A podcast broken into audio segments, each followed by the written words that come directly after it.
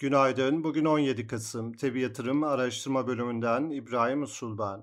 Yurt dışı borsalarda dün zayıf kapanışlar takip ettik. Amerikan endeksleri %0.1 ile %1.6 arasında geriledi. Avrupa borsalarında %0.8 dolayında değer kayıpları yaşandı.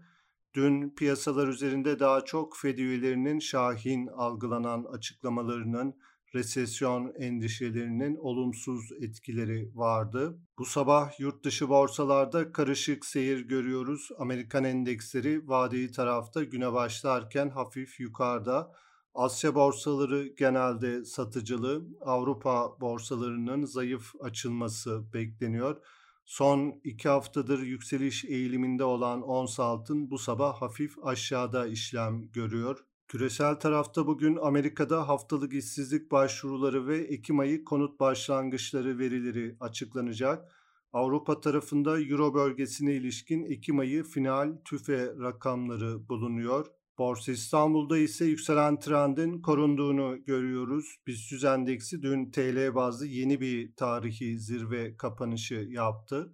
Borsa İstanbul'un haftanın kalan süresinde de yükselen hareket içinde kalmasını öngörüyoruz. BIST endeksinde günlük bazda dirençlerimiz 4820 ve 4950 seviyelerinde.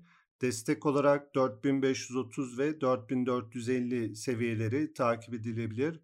Hisse tarafında endekste yükselen hareket içinde teknik olarak Akbank, Aselsan, BİM, Coca-Cola, Garanti Bankası, Koza Anadolu, TAV Havalimanları, Türk Hava Yolları, Yapı Kredi Bankası hisselerini olumlu tarafta izlemeye devam ediyoruz.